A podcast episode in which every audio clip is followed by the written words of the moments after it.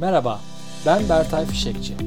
Ofisin Şifreleri podcastında çalışan bağlılığı, ekip liderinin zorlukları ve beceri gelişimi, kariyer yolculukları ve ofis dünyasının şifrelerini çözme hakkında konuşuyor, bazen de konuklarımı ağırlıyorum.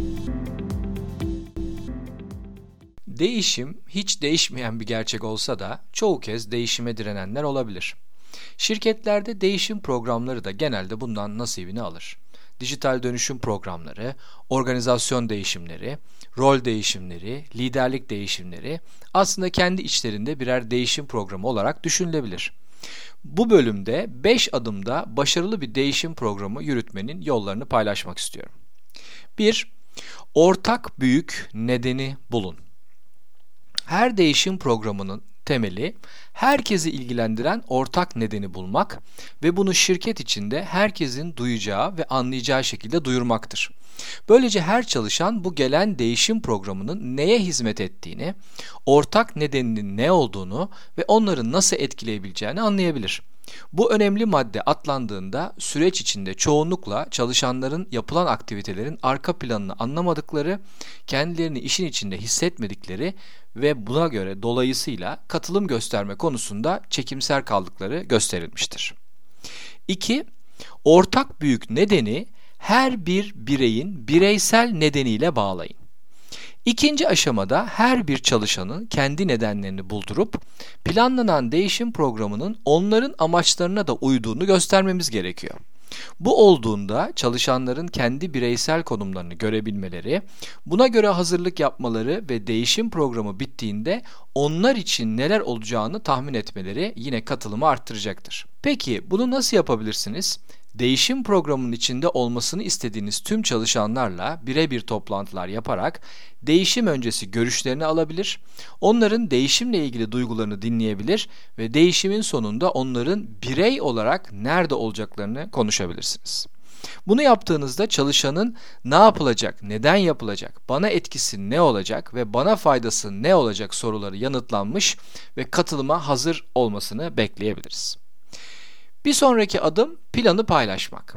Sonrasında büyük bir resim gibi düşünerek planınızı paylaşın. Bu plan başarılabilir olmalıdır.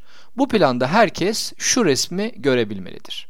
Değişimin büyük resim olarak görselleştirilmesi, ana bölümler, ana parçalar, yol haritası, kilometre taşları ve zaman planlaması.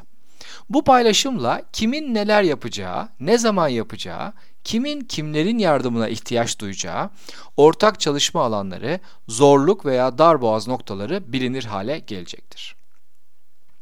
Daha sonraki bölümde çark etkisini kullanın. Bir çarkı döndürmek istediğinizde, ne yaparsınız? Önce şöyle bir döndürme için güç verirsiniz, biraz döner. Gücü azalmaya başladığında yeniden güç vererek hızının artmasını sağlarsınız değil mi? Organizasyonların değişimi de benzer etkileşime göre çalışıyor. Buradaki güç de yapılanların takdiri ve kutlanması. İlk bölümde büyük bir momentum yaratmanızı öneriyorum. Yüksek enerji ile ortak bir sinerji yaratmaya çalışın. Sonrasında her küçük adımı kutlayarak ilerleyin. Başarıları herkesle paylaşın. Bunun ardından bir güç daha verin, yeniden bir momentum yaratın. Göreceksiniz ki çarkın dönmesi gibi siz momentum yarattıkça eylemler artarak değişimi yaratır hale gelecek. Ve son bölüm artık değişimi normalleştirin. Son aşamada bu ilk dört adımın tekrarlandığı bir süreç ortaya koyun ve değişimi normalleştirin. Biliyorsunuz değişimlerde üç grubun katılımını gözlüyoruz. 1. Erken adapte olanlar, ilk katılımcılar.